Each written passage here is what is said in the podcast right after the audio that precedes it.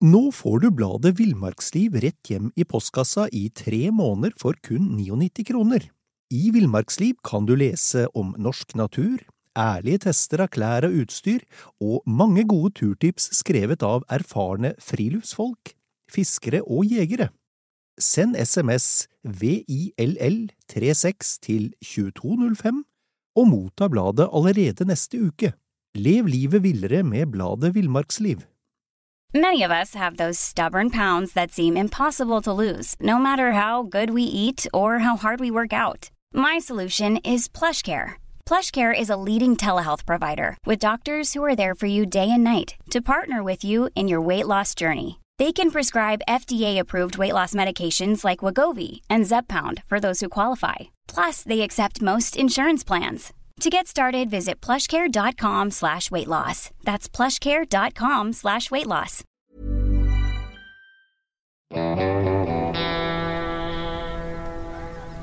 Velkommen til podkasten Villmarksliv. Mitt navn er Knut Brevik, og jeg er redaktør i bladene Villmarksliv, Jakt og Alt om fiske. I dag skal vi snakke om kajakk og kano, og, med meg har jeg Anders Kristiansen. Anders, du har vært konkurransepadler, og, og, du har dessuten testa utstyr i en årrekke for, for villmarksliv og jakt, og du er en særdeles eh, ivrig friluftsmann. Hva, hva, vil du anbefale oss nybegynnere? Eh, snakker vi kano eller kajakk? Eh, det kommer eh, tenker som sagt det kommer veldig an på hva, hva man ser for seg av bruk. For å ta kano først, så, så er det en, en, kanskje en farkost som de aller fleste har et forhold til fra leirskole eller speideren eller, eller privat. Eh, det er jo på en måte så enkelt som en farkost eh, kan bli, på godt og vondt. Den er helt åpen, det er lett å komme oppi og det er lett å komme ut. Det er lett å plassere, er lett å plassere bagasjen sin. Man kan ha med hund, men man kan ha med barn, og man kan være én eller man kan være to. Det er jo kanskje den største fordelen med kano, det at den er så enkel og, og dermed fleksibel. Uh, ulempen er jo at man, man har litt dårligere framdrift uh, i, i, vind spesielt. Da, da, da, er på en måte en kajakk mer effektivt. Mm. Uh, mens en kajakk egner seg gjerne enten for én person eller to personer. Og, og, den er på en måte mer satt da, mm. ut ifra bruksområdet. Mm. Mm. Jeg foreslår at vi starter med, med kajakk. Ehm, hva, hva, skal jeg tenke på hvis jeg går med, med planer om å kjøpe kajakk? Eh, jeg tenker at det første, det første som er sånn viktig å ha klart for seg, det er hva du, hva du skal bruke den til. Og det har de fleste, et, eh, i hvert fall de fleste jeg har, har snakka med som, som, går med de tankene, så har man et bilde av det. Eh, er det å padle rolige turer et fra, fra hytta på et eh, lite vann, eller skal, har man lyst på å oppsøke bølger og litt, eh, litt fart og spenning? Eller, eller, er det det å komme seg ut på en øy for å, for å overnatte med, med telt og, eller hengekøye, eller ja, mer, sånn, eh, mer tur, da, som er, som er motivasjon. Mm. Når, man, når, man, først veit det, så er, så er, man litt, litt mer si, litt nærmere å kunne ta et, et godt valg. Ja, og, og det betyr at det finnes vidt forskjellige eh, typer, da, med andre ord? Ja, det stemmer. Til alle mulige eh, bruksområder, egentlig. Eh, du har det, det aller enkleste, det som ofte omtales som rekreasjonskajakk. De, de, er korte og veldig breie, og er egnet for så å si alle. Kan, kan klatre ut i en, en sånn rekreasjonskajakk og, og, oppleve at de mestrer det uten noe som helst for, forkunnskaper. Eh, og så er det helt opp til, eh, til lange, slanke, raske modeller da, som er eh, spesialisert i større eller mindre grad for å padle i, i bølger eller for å, for å, holde høy fart.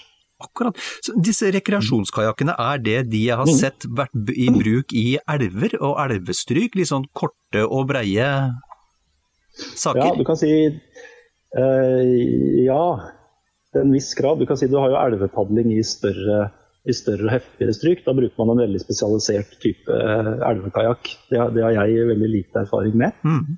Men eh, rekreasjonskajakk er gjerne det du ser eh, brukt til fisking, f.eks. Ah, Og de er ofte, de er ofte rigga på en sånn måte at du, du sitter ikke oppi, men du sitter på en måte i en forsenkning oppå kajakken. Sånn at du kan, du kan sitte sideveis og, og putte beina i vannet, og du kan eh, Ja, du sitter liksom ikke i et, i et høl i kajakken. Det, det fins begge varianter. nå. Akkurat. Vi, skulle vi tatt og gått gjennom disse ulike typene litt, og hva de, hva de egner seg til? Det kan vi godt gjøre. Da, da har vi snakka litt om, eh, om, det vi kaller rekreasjonskajakk. Typisk kort, eh, breie. Mm. Vel, veldig ofte lagd i eh, polytylenplast, eller det vi kaller, noen kaller det myk plast, og noen sier bøtteplast. Men hvis du tenker deg plasten i en bøtte, da, så, så, er den ikke så ulik. Men ja, nå kjenner jeg ikke kjemien så godt i det, men det er nok høyere kvalitet enn en typisk vaskebøtte. Men, mm. men en sånn type robust plast er det de gjerne, det de gjerne er lagd i. Men det finnes også, uh, også rekreasjonskajakker i, i glassfiber. Fordelen er jo at det er lettere, ganske mye lettere.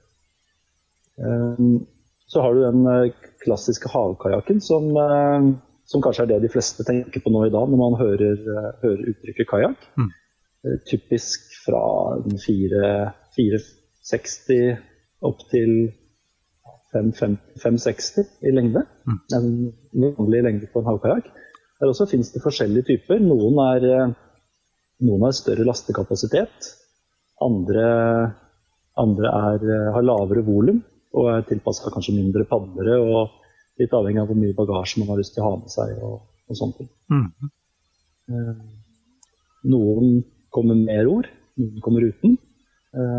De som, havkaker som ikke har ror, de har som regel en sånn, en sånn senkekjøl som ser ut som en, ja, ser egentlig ut som en haifinne som du ved hjelp av en mekanisme ved siden av der du sitter, så, så senker du den. Så den, eh, den tikker ned sånn en, ca. en halvmeter eh, innunder skroget, da. Altså foran, eh, foran hekken på kajakken. Som, som, gjør at man, man, får retningsstabilitet og kan balansere kajakken i forhold til vindretning. Er dette noe som, som følger med kajakken, eller er det en sånn type utstyr man kjøper i tillegg?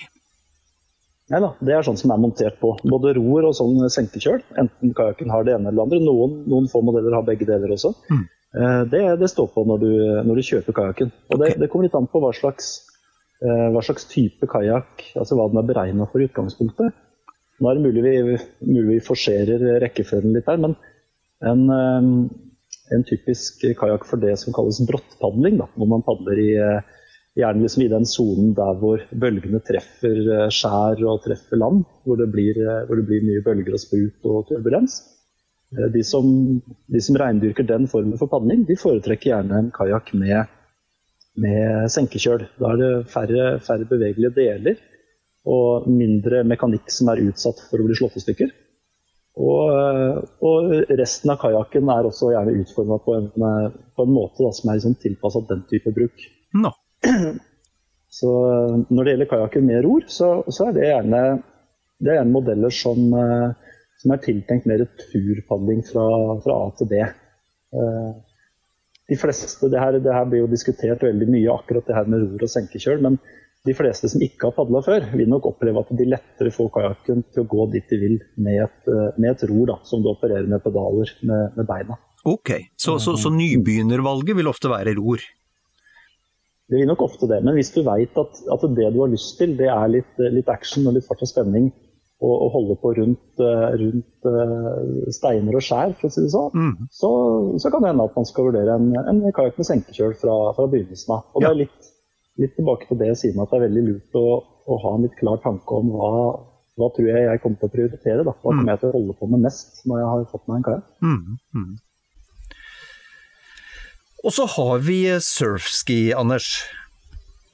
Ja, stemmer. Det er det som eh, etter hvert har blitt min, eh, min lille kjepphest og favoritt. Det er rett og slett en type kajakk hvor du sitter Istedenfor å sitte i en åpning eh, i dekket på kajakken, så, så, sitter du i en fordypning. Du, du sitter for så vidt med, med, samme type sittestilling og på samme måte, men hvis du, hvis du skulle gå rundt, da, eller hvis du skulle få en bølge over deg, så, så vil ikke kajakken fylle seg med vann.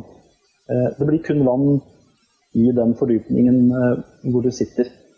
Så er det en sånn type selvrensende eh, system som gjør at når du padler framover, så blir det vannet sugd ut. Litt på, på samme måte som en seilhjul, hvis noen har vært borti det. Der også har du sånne selvrensende varianter.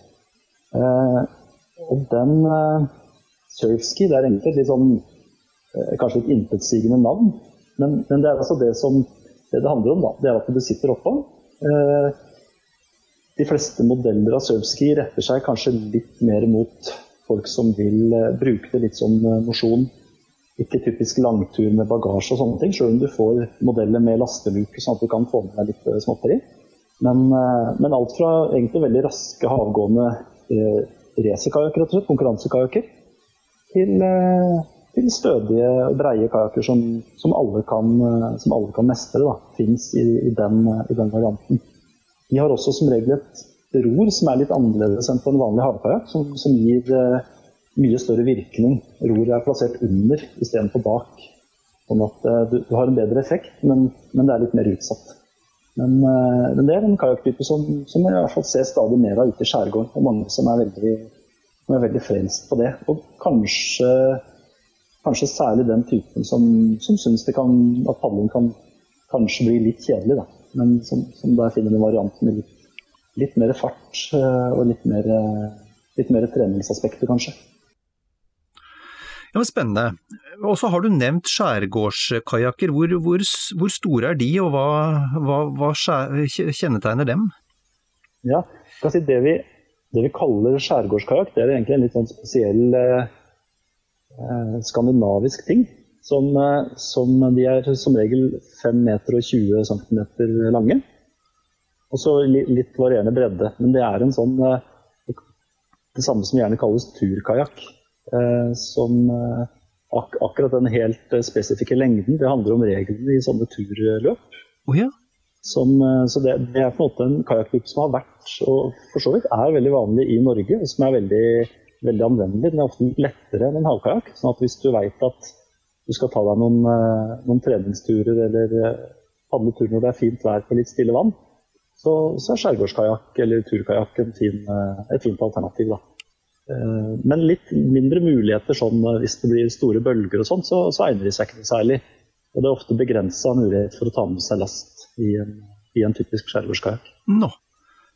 Ja, når vi snakker last, ehm, du, du var jo inne på det sånn innledningsvis at det, i kanoen så er det gode lastemuligheter. Hvordan, hvor mye får du egentlig med deg i, eh, i en kajakk? Eh, det, der også kommer det veldig an på modellen. Du har noen modeller som er lagd, og det, var kanskje vanligere før, eh, som er lagd veldig store. Altså fyldige og ganske høye for å, for å kunne romme mye last. Du må jo ha det ned, altså du har jo luker eh, på en havkajakk. Luke foran og bak deg. Og som regel to vanntette lasterom. Sånn at du, du kan du, Altså de aller, aller fleste kajakker er det nok til å, til å ha med for en eh, overnattingstur. Ja. Men eh, det som kanskje skiller det litt fra sånn typisk eh, Hvis man sammenligner at man skal gå tur på fjellet, det er at du må ha med deg vann. Så det, som regel, i hvert fall hvis du padler i saltvann, mm. så må du ha med deg drikkevann. Som, som, selvfølgelig veier litt. Grann. Og så har jeg inntrykk av at de fleste liker å ha det litt mer, altså at, å benytte muligheten til å ha litt mer komfort enn du får når du bærer på ryggen. Mm. Mm. Så så Det er også en avveining, for det er ikke noe ålreit å falle en altfor stor kajakk eh, tom. Så hvis du ikke skal på overnattingstur, så er det ikke noe grunn til å kjøpe en stor ekspedisjonsretta havkajakk. Da er det bedre å kjøpe en som, som er passe stor. Skjønner, skjønner. Hvordan er dette her, Allerede på det tidspunktet her så skjønner jeg at her er det, her er det en del ting man må ta stilling til. Er det, er det god, god, hjelp å få uh, ute i faghandelen, holdt jeg på å si, eller de som, de som selger kajakker, for, for, å finne den riktige kajakken til, til deg? Ja, det vil jeg si. Hvis du oppsøker Nå er det jo ganske mange forhandlere i Norge har kajakk langs eh, egentlig rundt omkring i mesteparten av landet. Jeg tror de fleste, de fleste bor i nærheten av ja, ja, det skal, kan jeg ikke slå fast det, men eh, i, de, i alle landsdelene så er, det, så er, det, butikker med kompetanse til å hjelpe deg. Mm, mm. Um, ellers så er det jo miljøer du kan oppsøke, uh, enten det er padle, padleklubber eller noen du kjenner, og få prøvd å prøvepadle litt. En ting som, som jeg, er litt, jeg, er litt, opptatt av, et råd som nybegynner alltid får, det er jo å prøve, prøve mest mulig. Det gjelder vel enten man skal kjøpe seg fiskestang eller kajakk eller, eller, hva som helst. Mm. Um, men så på et eller annet tidspunkt så har du lest og prøvd og tenkt så mye at, at man nesten kan bli litt handlingslamma. Så jeg er litt, jeg er litt for at man, man, finner ut hva man skal bruke det til. Og så avgrenser man litt utvalget for seg sjøl der. Mm. Og så og så kommer man over en kajakk, og så kjøper man og, og prøver. Og så, og så, skaffer man seg erfaring, så veit man mer hva man vil ha til det neste. For uh, det er, det er liksom grenser for hva man kan lese og prøve seg til uansett. Mm. Og så har du sagt en gang at uh, på spørsmål om, om, om, hvor mange kanoer man trenger, så har du sagt en gang at man trenger alltid én til. Ja. Det har jeg sikkert sagt. Det er nok ikke bare jeg som har det. Er, ja, det er nok mange som, eh, som har sagt det. Um, og det er jo litt uh, Man kan jo ofte føle det sånn, men jeg tenker også det at uh, ja, de fleste har jo en kajakk, eller kanskje to. Og uh, det er nok fordelaktig å bli, å bli, godt kjent med den, og bruke den framfor å ja, stadig vekk ønske seg mer. Vi mm. lever jo kanskje i et samfunn hvor vi, hvor vi veldig ofte er på utkikk etter det neste, neste, utstyret vi kan kjøpe oss. Mm. Eh, det, er, det, er, kanskje en større diskusjon, men, men uh, det greier seg som regel med en. Mm, mm. Hva, hva, slags kajakk var den første du hadde? første kajakken jeg hadde, det var en, eh, en sånn som en type skjærgårdskajakk, eller en turracer, kalte vi den typen. Okay. Eh, som pappa og jeg fant, og i, liggende i strandkanten. Og så oppspora vi eieren og kjøpte den for 100 kroner. Dette her var i Jeg var uh, syv år. Det var vel i 80, 86 eller noe sånt. Okay. Eh, og, det, og som, vi, som, vi, satte i stand, da. Og som ja. jeg hadde. Den, uh, den, hadde jeg helt fram til her for et par år siden, faktisk. Ikke kun den, men den har liksom fulgt, fulgt med meg da i mange år. 100 kroner vil jeg si, Anders, det er ingen upris. Men, eh, men hva, hva, må du regne med å betale for en kajakk, eh, hvis vi snakker ny i dag? Ja, nå kikka jeg litt på nettet eh, før jeg skulle snakke med deg. Og eh, hvis, man, eh, hvis, man, går i en nett, finner en nettbutikk da, og, og, kikker der på, på utvalget, så syns jeg det ser ut som at du kan finne deg en kajakk, eh, og da snakker jeg om en havkajakk. Mm til eh, sånn 7, fra 7000-8000 oppover. Og helt opp til nesten så mye du har lyst til å betale. Opp til 30 noen 30 000 kan du fint eh, betale for en kajakk. Du verden. Mm. Det er ganske, ganske stort spenn. Hva med, hva med, la oss, mens vi er inne på det med kjøp og penger, hva med mm. bruktkjøp av, av kajakk? Hva skal man tenke på der, og, og hvor, hvor, mye billigere vil det være å, å anskaffe seg en brukt en sånn jevnt over? Det, det, kommer veldig an på hvor attraktiv eh, akkurat den modellen du ser på her på bruktmarkedet. Eh, jeg syns nå, så vidt jeg kan se, da, det, det, det jeg følger på med på, på Finn og sånn, så ser det ut som at de litt eldre kajakkene Jeg nevnte litt at for en del år tilbake så ser det ut til at de gjerne folk valgte litt større kajakk, mer beregna på litt lengre tur. Mm. Mens man nå er kanskje mer opptatt av padleopplevelsen og det at kajakken er litt, er litt tilpassa. Så en, en, litt sånn en eldre, gjerne norskprodusert eh, kajakk, de, de, ser de dukker stadig vekk opp. og en, man kan jevnlig finne en, en bra kajakk for en 5000-6000. Og da, da, er det som regel glassfiberkajakker det er snakk om. Og det, det, kan også være en fordel eh, hvis, du, hvis, du, ser på en brukt kajakk og du er litt hendig og kan, eh, og kan reparere litt sjøl, så er egentlig glassfiberkajakk et veldig bra utgangspunkt. For der kan du egentlig fikse det meste da, og tilpasse litt og, og ordne hvis det, du, ja, hvis det er noen små skader eller noe sånt som du kan, kan fikse. Ah, spennende. Mm. Ok, det er greit. Det, det, jeg lurer litt på da, og jeg er virkelig nybegynner her i ordets rette forstand, altså. Men hva er, hva er forskjellen på en lang og en kort kajakk i praksis?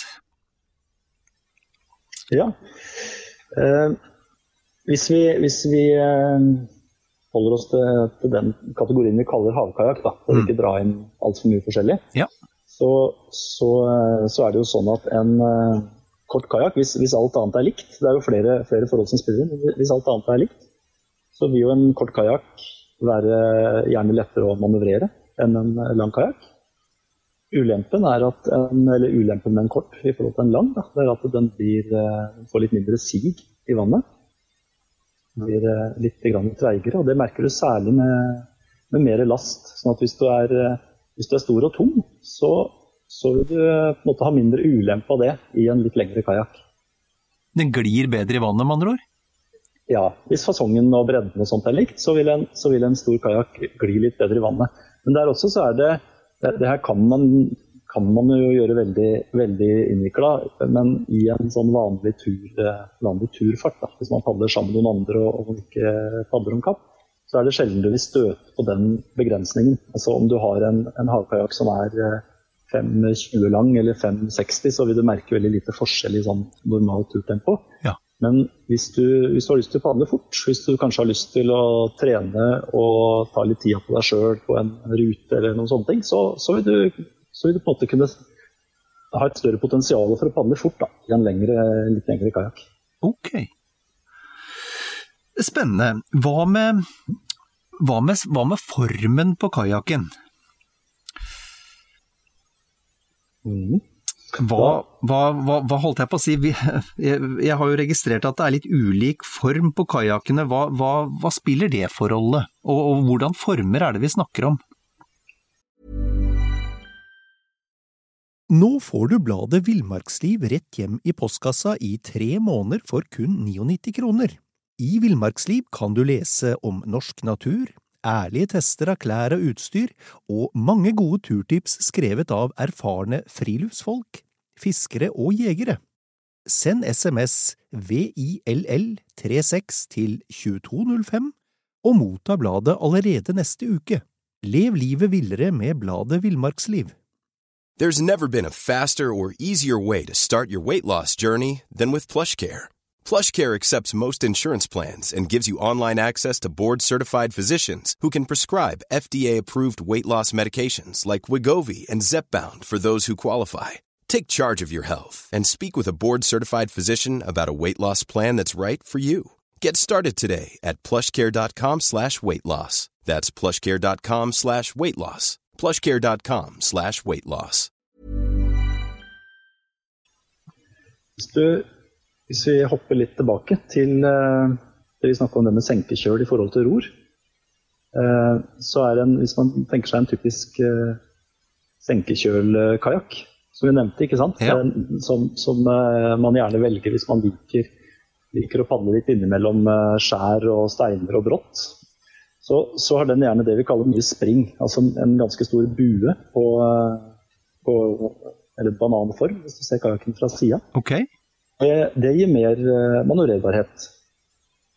Og, mindre, og for så vidt da mindre retningsstabilitet. Så litt sånn på samme måte som en, en kortere kajakk får mindre retningsstabilitet, så får også en kajakk med veldig mye, mye spring, eh, mindre retningsstabilitet, men mer manøvrerbarhet. Akkurat. Så, så, hva du ønsker deg, det, det, er jo det er litt sånn opp til bruken igjen.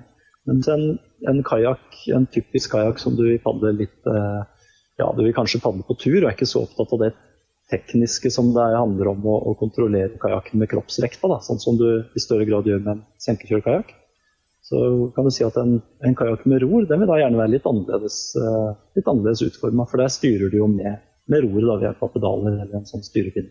Ah, skjønner. Men allerede på det tidspunktet her så må jeg, mm. må jeg spørre, er det, er det, vanskelig å lære seg å, å padle i en kajakk?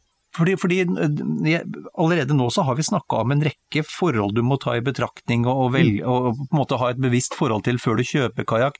Det høres vrient ut det her, Anders. Er det, er det vrient? Det er nesten, nesten, vanskeligere å velge enn å, enn å padle. Eh, jeg, jeg, jeg, jeg, får litt dårlig samvittighet eh, når jeg begynner å, å snakke om ja, det er, det, er, det er, jo mange forskjellige ting. Det er forferdelig mange forskjellige typer kajakker. Sånn at jeg, jeg, gjør det kanskje vanskeligere enn det trenger å, det trenger å være. Men å, å, lære å padle, det, det, er ikke spesielt vanskelig. Og Det er kanskje det som er så fint med padling. At du kan, du kan eh, sette deg i en kajakk og padle. Og du kan få det til veldig fort. Og, og ha en, en, lang, men allikevel ganske bratt læringskurve. Og det er kanskje det som, som veldig mange liker. Da. At uh, du har utbytte uh, veldig fort. Det er, ikke noe, det er ikke som å lære å sykle. ikke sant? Du, du, får det stort sett brukbart til med en gang, og så, så blir du stadig bedre og bedre. Men um, hva, med, hva, med, stabiliteten på en kano? Er det, er det, altså hvor stabile er de, og hva er, det, hva er det som avgjør stabiliteten? Det er uh, sånn I første rekke så tenker vi at det er bredden har mye å si for uh, stabiliteten. Uh, en, en, smal kajakk er naturligvis mindre stabil enn en som er litt bredere. Eh, så er det også, hvis du ser kajakken eh, forfra, da, eller du ser et tverrsnitt eh, av kajakken, mm. så vil en, en kajakk med flatere bånd den vil oppleves større. Særlig på flatt vann, helt stille vann, så vil en kajakk med, med, flat bånd det kalles igjen primærstabilitet. altså at Når, når ikke du krenger kajakken mot noen av sidene, så, så vil en flatbånda kajakk være mer stabil. Og så, det, det, er jo på en måte forhold som er viktig når du er helt nybegynner, eller kanskje hvis du skal fiske fra kajakken eller fotografere eller sånne ting, og, og, det foregår stort sett på stille vann.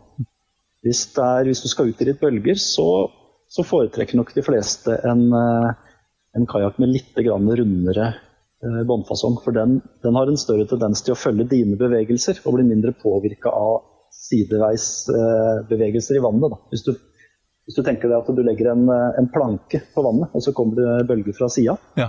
så vil jo den slenge seg og, og vri på seg. Mm. Mens hvis du legger en tømmerstokk på vannet som er helt rund, så vil jo den flyte opp og ned. Ah. Vannet får på en måte ikke altså Den har ikke noe flate som ligger an mot vannet. Det Et bra bilde. Akkurat. Nå. Uh, hva med uh, Altså, det mitt, mitt mitt mareritt uh, som, som, veldig, veldig nybegynner, det er jo at, eh, at kajakken vipper opp ned, og så blir jeg hengende under der, og så kommer jeg meg ikke rundt. Nei. Altså, hvor, hvor, eh, hvor, farlig er det, og hva, hva, må man sørge for å kunne før man Eller, eller er dette bare en vond drøm jeg har? Nei, det er litt sånn både òg, egentlig. Det, hvis du for, for, å holde det tørt i kajakken, så bruker man jo som regel et spruttrekk ikke sant, som man spenner rundt livet. Mm. Og Hvis man har et veldig stramt eh, spruttrekk og kanskje en, en trang kajakk, så det har skjedd ulykker hvor folk har mista livet fordi de har gått rundt og ikke greid å komme seg ut av kajakken.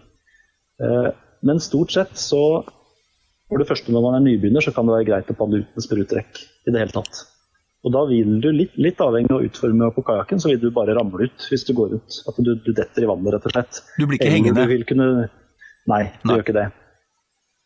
Uh, og de fleste kajakker nå, også havkajakker, har ganske stor, uh, ganske stor, åpning. Sånn at du, uh, du gjør ikke det. Hvis du etter hvert begynner å padle med spruttrekk, og kanskje et sånt stramt neoprenspruttrekk, som er det tetteste og, og sånn sett beste å padle med i litt bølger og sånt, så har de alltid en eh, stropp som du drar i når du skal løse det ut. Så, men, så det, er, det, kan være litt viktig å huske på at hvis man skal, hvis man skal ha et spruttrekk, for det første passe på at den stroppen ikke kiler seg og kommer på innsida av spruttrekket. Mm. At den er lett tilgjengelig der den skal være. Og så at man øver på å gå rundt og dra i den på, på, stille forhold. Det tenker jeg det er noe alle burde gjøre. Bare prøve å gå rundt og erfare at det ikke er noe skummelt. Kanskje greit å ha med en kompis eller en som kan bistå litt da, første gangen man gjør det? Ja, det er nok lurt. Mm, mm. En annen ting jeg lurer litt på, og som jeg har sett utført, det er denne eskimorulla. Hvor, mm. hvor, vanskelig er det å lære seg den, og hva, hvordan, hvordan, gjennomfører man den? Ja, eh, det finnes kjempemange forskjellige varianter av det. Eh, og nå er ikke jeg noen sånn eh, ekspert på eskimorull, jeg kan en, en eller to varianter. Det er ikke kjempevanskelig å lære seg, men det er veldig mye lettere å lære det Nå finnes det kurs, kurs i eskimorulling, og det er helt sikkert, sikkert havpallegrupper rundt omkring i landet som, som, øver på det her. Mm. I basseng og, og, ute da selvfølgelig om sommeren. Men så det å, hvis du får det å få hjelp av noen som kan det fra før, så er det ikke så er det ikke forferdelig vanskelig. Det som gjør det litt vrient, er at alt, du blir litt desorientert når du henger der opp ned under kajakken. Mm. Så det å skulle lære det på egen hånd, det er litt, det er litt vrient. Og så er det den lille detaljen at du har ikke noe luft. Ja, det er jo liten, men litt sentral. men, eh, men i, i, i, hvert fall, det er, det er løsbart med litt instruksjon, så er det løsbart å lære seg den? Ja da, det, det vil nok de fleste, de fleste, kunne klare. Hvis man, hvis man har en kajakk som er, eh, er noenlunde egnet til det, og, og, man har lyst til å prøve det, så vil nok de fleste kunne, kunne få til det i løpet av en, en økt, eller, eh, økt eller tre. Kan du få prøve å forklare uh, hvordan det gjennomføres? Ja, da må jeg bare forklare det liksom den, den måten jeg kan det på. Ja. For det er, det er som sagt massevis av, og noen spesialiserer seg veldig og lærer det på, på mange måter. men Eh, den, eh, den, rulleteknikken som jeg lærte meg i sin tid, da, den går på at man eh, når man ligger under vannet, så lener man seg fram. Okay. Legger seg nesten oppå dekket på, dekket på kajakken. Mm. Og så holder du åra parallelt med kajakken på din venstre side. Og Det er jo på en måte det som var høyre side før du gikk rundt. Det er jo det som gjør det, gjør det litt sånn gjør det litt sånn vrient. Mm, mm. Eh, men på min venstre side der holder jeg altså åra parallelt med kajakken og det høyre årebladet framover. Og så lener du deg på en måte Begynner å lene deg bakover mens du drar åra eh, langs vannflata eh, bakover. Altså det, det høyre bladet drar du bakover. Ah. Og da vrir du deg rundt, sånn at nå er du jo plutselig oppe på det på den, altså den sida som du hadde åra langs, da, venstre ja, ja. side. Det er den veien du på en måte går opp. Ah. Og når du forlater vannet, så, så, er det om å gjøre at ikke du prøver å forte deg. Hvis du, hvis du, prøver å stikke huet opp av vannet, og det gjør du gjerne, for du har lyst på luft, du har lyst til å komme rundt. Mm -hmm. eh, det som skjer der, er at da, da, presser du på en måte kajakken tilbake. Sånn at du må, du må være litt tålmodig, få kajakken mest mulig rundt, tilbake dit du vil ha den. Mm. Og så er på en måte overkroppen og uh, huet ditt det siste som uh, kommer opp av vannet. Ah. jeg, tror ikke, jeg, tror ikke, den forklaringen er god nok til å lære seg å rulle. Men, men uh, det handler i hvert fall om at man må ikke prøve å forte seg opp. Man må, man må, la det ta den tida det tar. Mm. Akkurat. Det er spennende. Ok, en, en, annen ting jeg lurer litt på når det gjelder kajakk, det er, det er materialvalget. Ja. Det er et stort et stort tema, hadde jeg nær sagt. Men uh, vi kan, hvis vi deler litt inn i to, så har du uh, det som vi snakka om i stad, det som vi kaller myk plast, eller polytylenplast, det er vel mest riktig å kalle det, som er det mest, det mest robuste materialet, og det som veldig ofte er brukt i litt rimeligere modeller. Mm. Eh, det, det, kommer, kan, det finnes enten som massivt med den samme plasten tvers igjennom, eller så, så, har det begynt å komme en del såkalte sandwich-konstruksjoner, hvor du har en eh, skumkjerne inni midten som, eh, som, gjerne er ganske stiv og lett. Og, og, så har du plast på hver side av den. Det gjør at du får et stivere, et stivere materiale da, i, til samme vekta. Det er gjerne brukt i som jeg nevnte i sted, rekreasjonskajakker og elvekajakker. og Kajakker som, som skal tåle veldig mye juling. Mm. De, de, er det fordelaktig å lage i polyelenplast. Ulempen er at eh, de blir veldig tunge hvis de når en viss lengde. Eller veldig tunge. De er som regel tyngre enn en eh, glassfiberkajakk. Eh, og, og, litt mykere. sånn at hvis, hvis man skal lage en lang, slank kajakk f.eks., så så er ikke det det mest eh, optimale materialet. Så er det det, det andre, det er, eh, det er, glassfiber. Eller for så vidt Det finnes mange fibertyper, men det er gjerne glassfiber som blir brukt i en, i en vanlig kajakk. Mm. Eh, det er jo matter som er støpt med glassfiber og epoksy eller glassfiber og polyester. Da kan du lage lettere og stivere konstruksjoner. Så eh, ja. Så det, det blir litt eh, blir overlappende bruksområde, men, men litt andre egenskaper. Mm. Og jeg tror nok at veldig mange som uh, ser på kajakk for første gang, de har et bilde av at glassfiber er så veldig skjørt, sånn at de vil gjerne kjøpe seg en plastkajakk. Mm. Men stort sett til helt vanlig bruk så er glassfiber solid nok i massevis. Og som jeg nevnte i stad, så er det ganske lett å reparere hvis du skulle få en ripe eller et, uh, eller et sår. Da. Mm. Så, uh, Hva med man skal ja. Nei. Hva med, hva ja, med så, tre, er det, er det brukt? Ja, eh, til dels. Da enten i form av sånn type tradisjonelle kajakker som folk bygger ofte sjøl, med spant og duk. Ah. Sånn som man ser for seg som uh, inuittene brukte. ikke sant? Ja, ja, ja. selskidd, bare at nå bruker man uh, som regel en, en bomullsduk. Det er det, noen, det er noen som driver med. Uh, en annen byggeteknikk går ut på at du, du bygger en uh, kajakk med en kjerne av tre som du trekker med glassfiber på begge sider. Da kan du i prinsippet bygge en hvilken som helst fasong. Da. Så Det også er det en, en god del som gjør. Akkurat. Hm. Det her med, med åre, det er heller ikke så like til. eh, Dette med valg av åre. Kan du si litt om det? Ja. Eh, der også er det jo forskjellige typer å velge mellom. Det vi kaller eh, vanlig, vanlig år, eller tradisjonell år, eller flatåret, er det også kalt. Som er det du sikkert ser for deg når du hører om en kajakkår. Altså den, det er et skaft i midten, og så er det et, et blad på hver side. Mm. Som kan være smalt og som kan være bredt. Alt avhengig av hva slags eh, egenskaper du har lyst på. Eh, til mer konkurransebruk så, så brukes noe som kalles vingåre, som er eh, optimalisert for framdrift rett framover, men som ikke har så gode egenskaper hvis du skal ta styretak eller støttetak og sånne andre ting som du kan tenkes å bruke åra til. Da. Der regner vingåra seg mindre, så den er bare en mer effektiv for å, for å gi framdrift. Eh, siste noenlunde vanlige åra, det er eh, en type som gjerne brukes i, i kombinasjon med som jeg nevnte, sånn spant og duk-kajakk. Det er en eh, grønlandsåre, kalles det ofte. Eh, en veldig lang, smal åre eh, lagd av tre. Som, eh, som det er en del som lager sjøl også, faktisk, av, en, av et emne da, i, i tre. Ok. Den ser, det ser, veldig, den ser litt rar ut hvis ikke du har sett den før, for den er så, den er så veldig smal. Så du skulle nesten ikke tro at det gikk at du fikk noe framdrift i det hele tatt. Men det fungerer overraskende bra. Nå.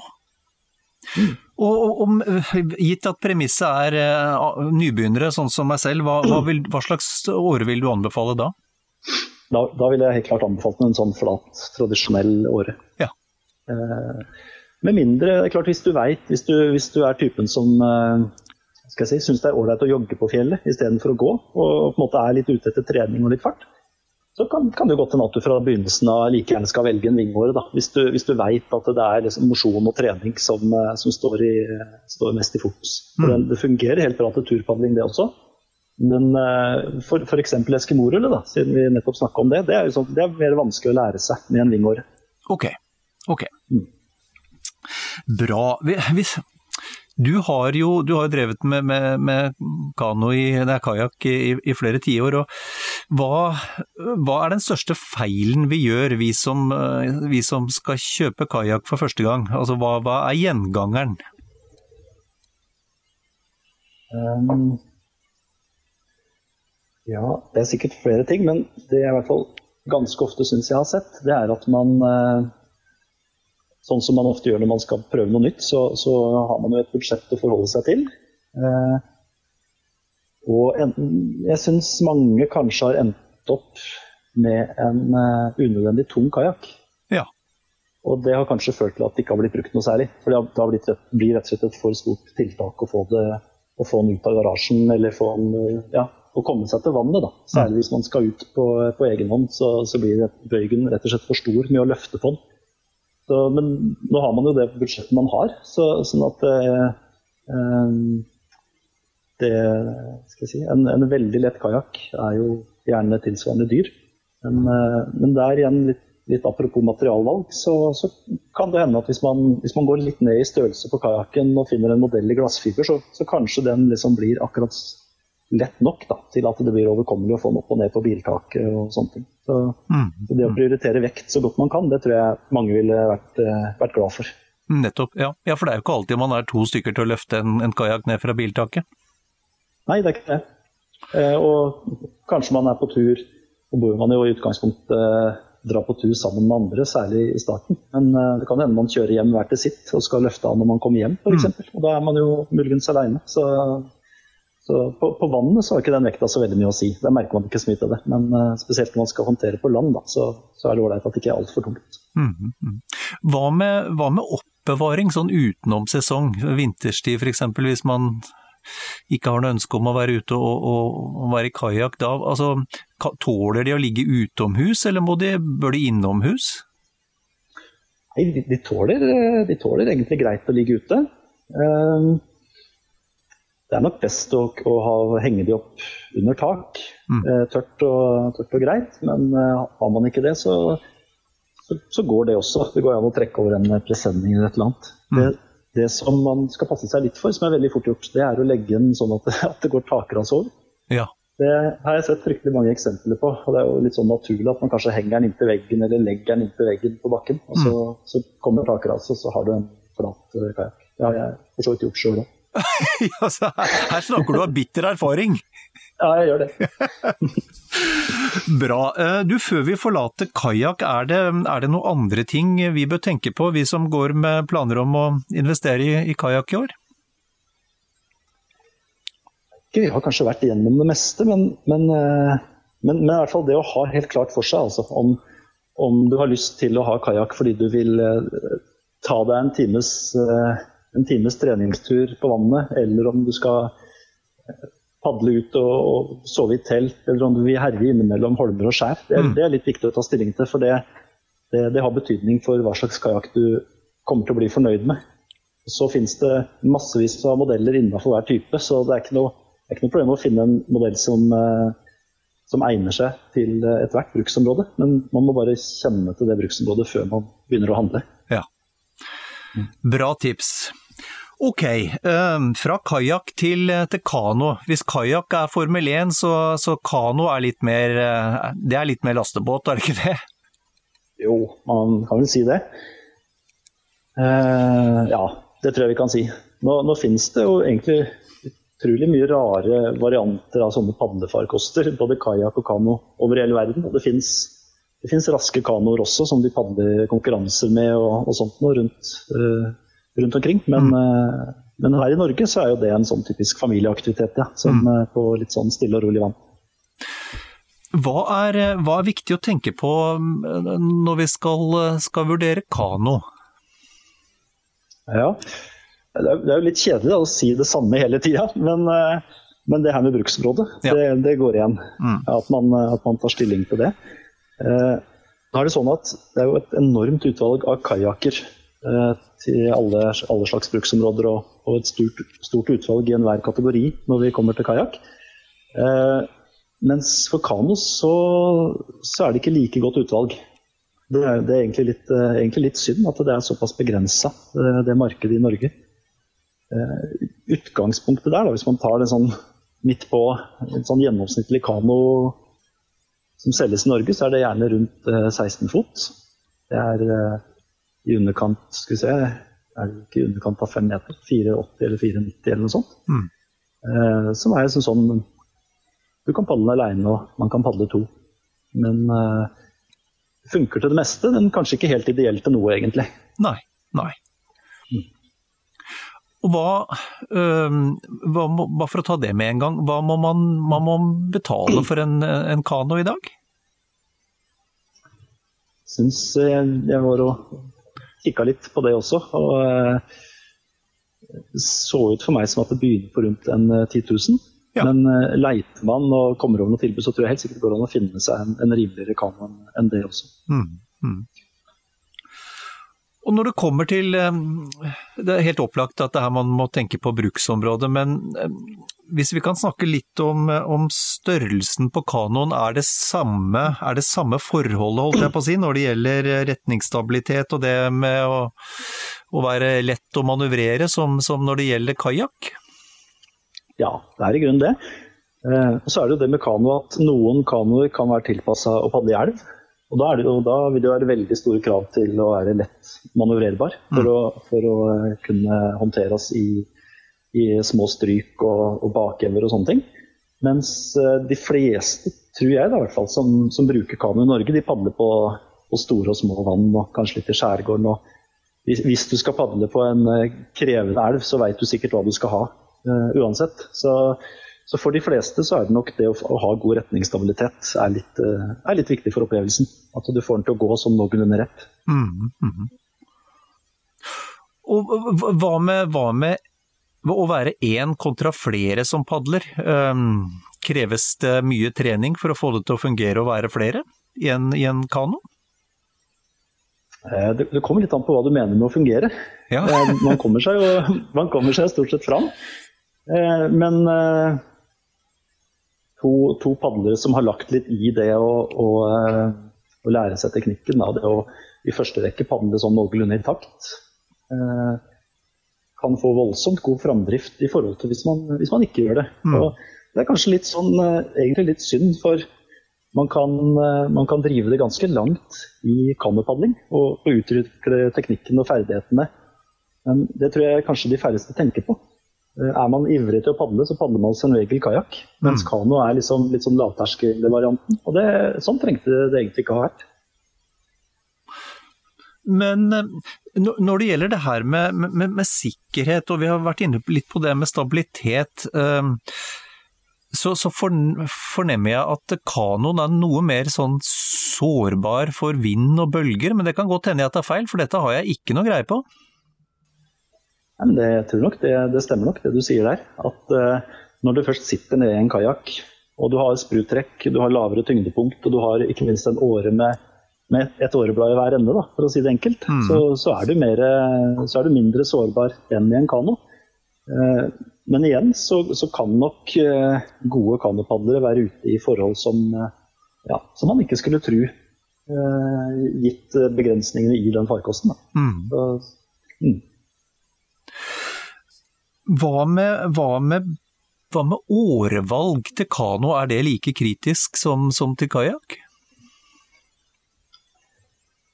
Både ja og nei. nå igjen, da, så de fleste som padler kano, legger kanskje ikke fullt så mye i det. Eh, du kan få like, si, like raffinerte årer og kanoer og utstyr der som du kan når det gjelder kajakk, men vi har ikke noe særlig tradisjon for det i Norge. Eh, men eh, de fleste, de fleste som, som, velger åre til kano i Norge, så er det gjerne treåre, mer eller mindre lett treåre, eller en type sånn veldig robust plastår plaståre med aluminiumsskaft som, som, virkelig skal tåle en trøkk. Mm. Men, eh, og det, det, er ikke noe dårlig valg, det. Helt avhengig av hva man skal bruke det til. Men eh, hvis man hvis man f.eks. er et ektepar eller et, et vennepar som, som, har lyst til å få mer ut av det å padle kano, så, så finnes det annet utstyr eh, og, og, muligheten til å utvikle teknikken sin og sånt mer. Da. Men mm. det, det, det, er på en måte sært her i Norge, siden, eh, siden ikke vi har noe sånt stort miljø for kanopadling eh, på noe sånn type nivå. Skjønner, skjønner. En annen ting jeg også må spørre om, det er dette med kjøl. Altså, hva, hva betyr det kjøl, kjøl eller ei på kanoen?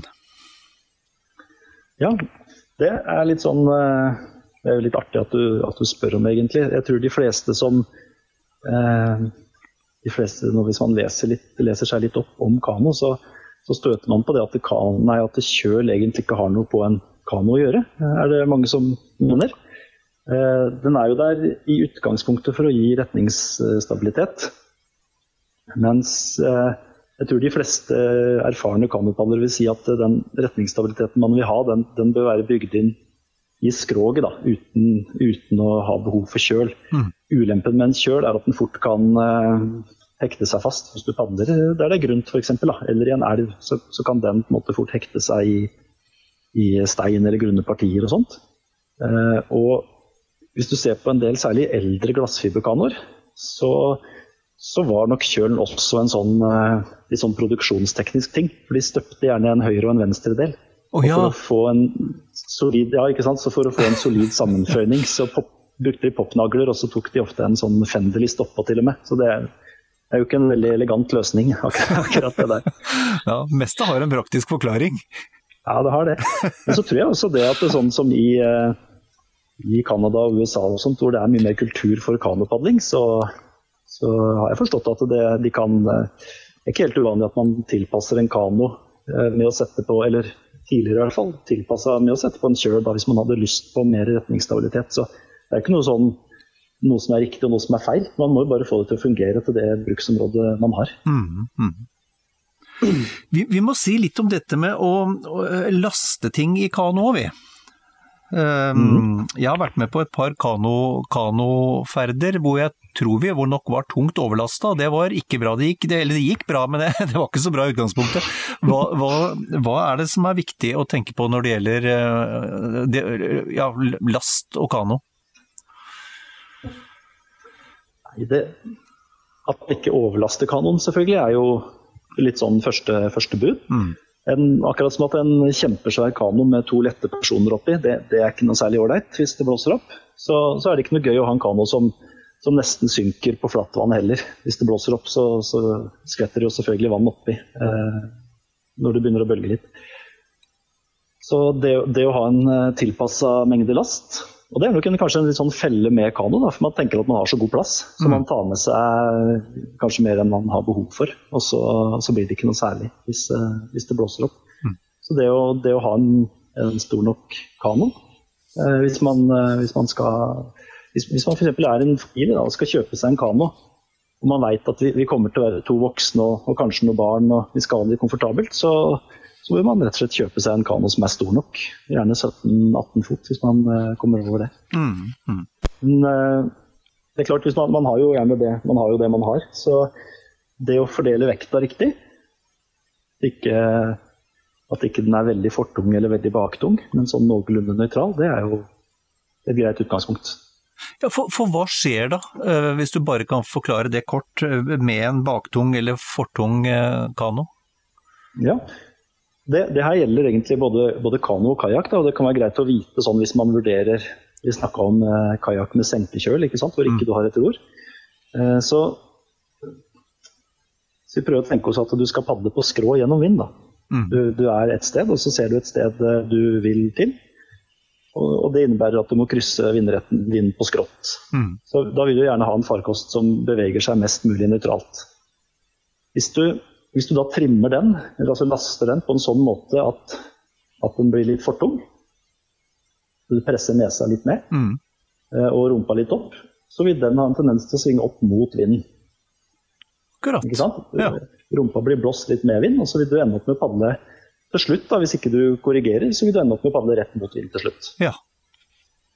Hvis du i motsatt fall laster sånn at du laster den litt baktung, og nesa står litt opp, så, så, vil det jo det motsatte skje. Hvis ikke du korrigerer, hvis du bare padler rett fram, så vil du ende opp med å til slutt padle, padle medvind, fordi vinden blåser nesa ned sånn at den, den eh, Ja, du ender opp den retningen. Skjønner. Og hvis man må velge da, mellom to, mellom to onder, for å si det sånn, mm. så, så, er det litt bedre at det ender opp med nesa mot vind enn med. Det, det gir deg litt mer kontroll. Ja, akkurat. Bra forklart. Ok, um, en siste ting jeg tenkte vi uh, skulle prate litt om, Anders. Det er dette med sikkerhet. Enten du ferdig, Vi har snakka i og for seg litt om det når det gjelder kajakk, men, men, sånn generelt om sikkerhet uh, og utstyr. Uh, og, og, i og for seg også oppførsel i både kajakk og kano. Hva vil du si da? Har du noen gode råd? ja. En ting som, som ikke vi har snakket om, men som det jo kan være greit å nevne, det er at nå er det etter hvert Eh, ganske mange som tilbyr kurs. Særlig i kajakk, mm. men, eh, men, også i kano, har jeg sett. Så det kan være verdt eh, å, verdt å få med seg hvis man, er, hvis man er nybegynner, eller også hvis man har padla en stund og har lyst til å utvikle seg litt. Så, så lærer man det gjerne fortere hvis, hvis, man lærer det av noen andre. Og der, der er det utvikla en sånn kursstige som, som Padleforbundet vel har hånd om. Ah. Det, det, jo, det, kan jo være greit å nevne. Eh, da, da man, får man kanskje en flying start i forhold til å få finne ut alt på egen hånd. Mm, mm. Ellers når det gjelder eh, sikkerhet, så tenker jeg som så at det er en, det er en sum egentlig av eh, ferdighetene du har, og utstyret du har, og, og eh, vurderinger du gjør. Og kanskje særlig det siste. at man, eh, Og det tror jeg kanskje særlig i kajakk, så, så får man det til veldig fort. Og det, det, gjør kanskje at det er fort gjort å komme i situasjoner som man egentlig ikke behersker. Enten det er at man går ut i litt større vind og bølger enn man egentlig er fortrolig med. Mm. Så um, jeg tenker egentlig at veldig mye ligger der. da. Man, mm. uh, man tar, tar, det litt med ro med den progresjonen. Mm. mm. kanskje lurt å holde seg nære land til å begynne med? sånn ja, eh, det er akkurat det. Det, det trumfer liksom det meste når det gjelder sikkerhet. Altså Hvis du kan svømme til land, så er det måte på hvor, hvor gærent du kan gå. Da. Mm, mm. Det finnes masse sikkerhetsutstyr av forskjellige slag man kan kjøpe seg, og det, det meste fungerer. Men du må da kunne bruke det. Så det, det, er liksom ikke nok å kjøpe, å kjøpe, utstyret, du må øve på å bruke det også hvis det skal fungere når det, når det røyner på. Mm, mm.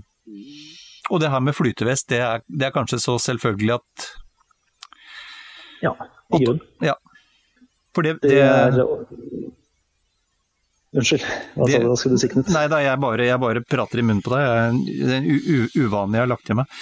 Uh, nei, det er, det er, kanskje så opplagt at det er nesten ikke verdt å nevne ja, i grunn så bør det være det. Og nå er, eh, nå er eh, moderne padlevester de er så lette og de er så behagelige at det er egentlig ingen grunn til å ikke, til å ikke bruke det. Mm. Jeg må innrømme at tidligere så var vi, inkludert meg sjøl, eh, slappere på bruken av det. Så når det var varmt i vannet og når det sånn sett var udramatiske forhold, så, så var det lett å, å, droppe det. Men eh, det er egentlig greit å bare ha det som en vane. Mm. En annen mm. ting som en annen ting som er greit med det, som jeg har lagt meg til de siste åra, det er rett og slett ha Jeg har et, eh, et helt vanlig kompass. Eh, vanlig turkompass, ikke noe båtkompass eller sånn, men et vanlig, vanlig kompass. Eh, og en fløyte, også en sånn nødbluss, som jeg bare har liggende i, i vesten. Ah. De, fleste, de fleste turene mine er sånn stikke ut en time eller to på ettermiddagen for å få litt, litt trening og litt tur. Og Da er det fort gjort å, å bli litt overraska hvis det kommer tåke eller hvis et eller annet skulle skje. Da, så, så, er det gjerne de turene man ikke har med seg så mye sikkerhetsutstyr. Mm. Og eh, Et par ganger så har jeg blitt overraska av tåke, så jeg virkelig ikke, ikke, ante hvilken retning jeg padla i. Og Da er det, det er litt ålreit å vite at hvert fall du kan sånn grovt sett da, ta og padle, fortsette i en retning, så kommer du til land. Ja. Ikke du padler til Danmark. Nei, det, det ville jo vært trist. Men har du hatt ja. noen ubehagelige opplevelser, du? Eller sånn, det, nå har jo du vært mange år i Nå har jo du brukt både, både kajakk og kano i mange år, men har du hatt noen skumle opplevelser?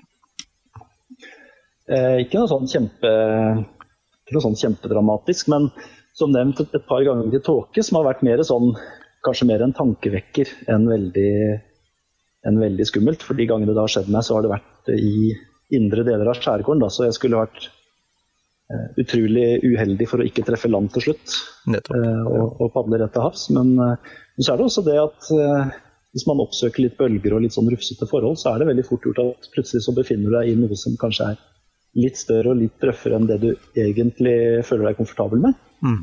Og, og, det som er litt ekkelt med padling da, det er at da, da, har du liksom ikke noe du har ikke noe annen utvei enn å stå i det. Det er ikke som på ski, liksom. Da kan du ta av deg skia og gå ned bakken hvis det er litt for bratt. Eh, med den kajakken så må du på en måte eh, ja, komme, deg, komme deg i sikkerhet eh, på egen hånd. Da. Det er mm. ikke alltid så lett å kunne hjelpe hverandre heller. Så, så det er litt viktig at man, at man gir seg sjøl kanskje litt mer sikkerhetsmargin enn det man tror er nødvendig. Mm, mm, mm. Veldig bra. Det, det, tror jeg var en fin avslutning. Anders, tusen hjertelig takk for en, en, en spennende samtale om kajakk og kano. I like måte.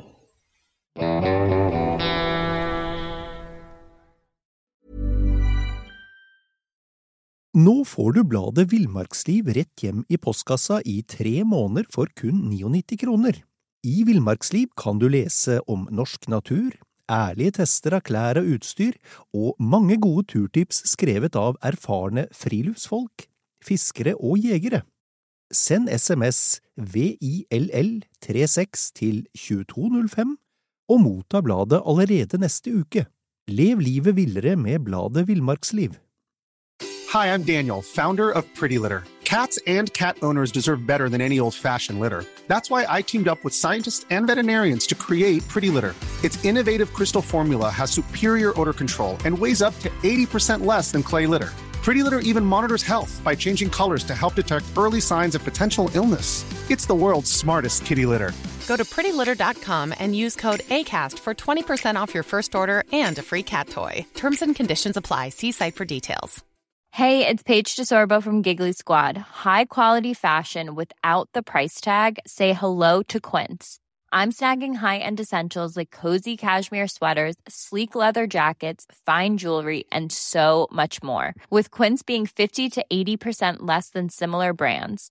And they partner with factories that prioritize safe, ethical, and responsible manufacturing. I love that. Luxury quality within reach. Go to quince.com slash style to get free shipping and 365 day returns on your next order. Quince.com slash style.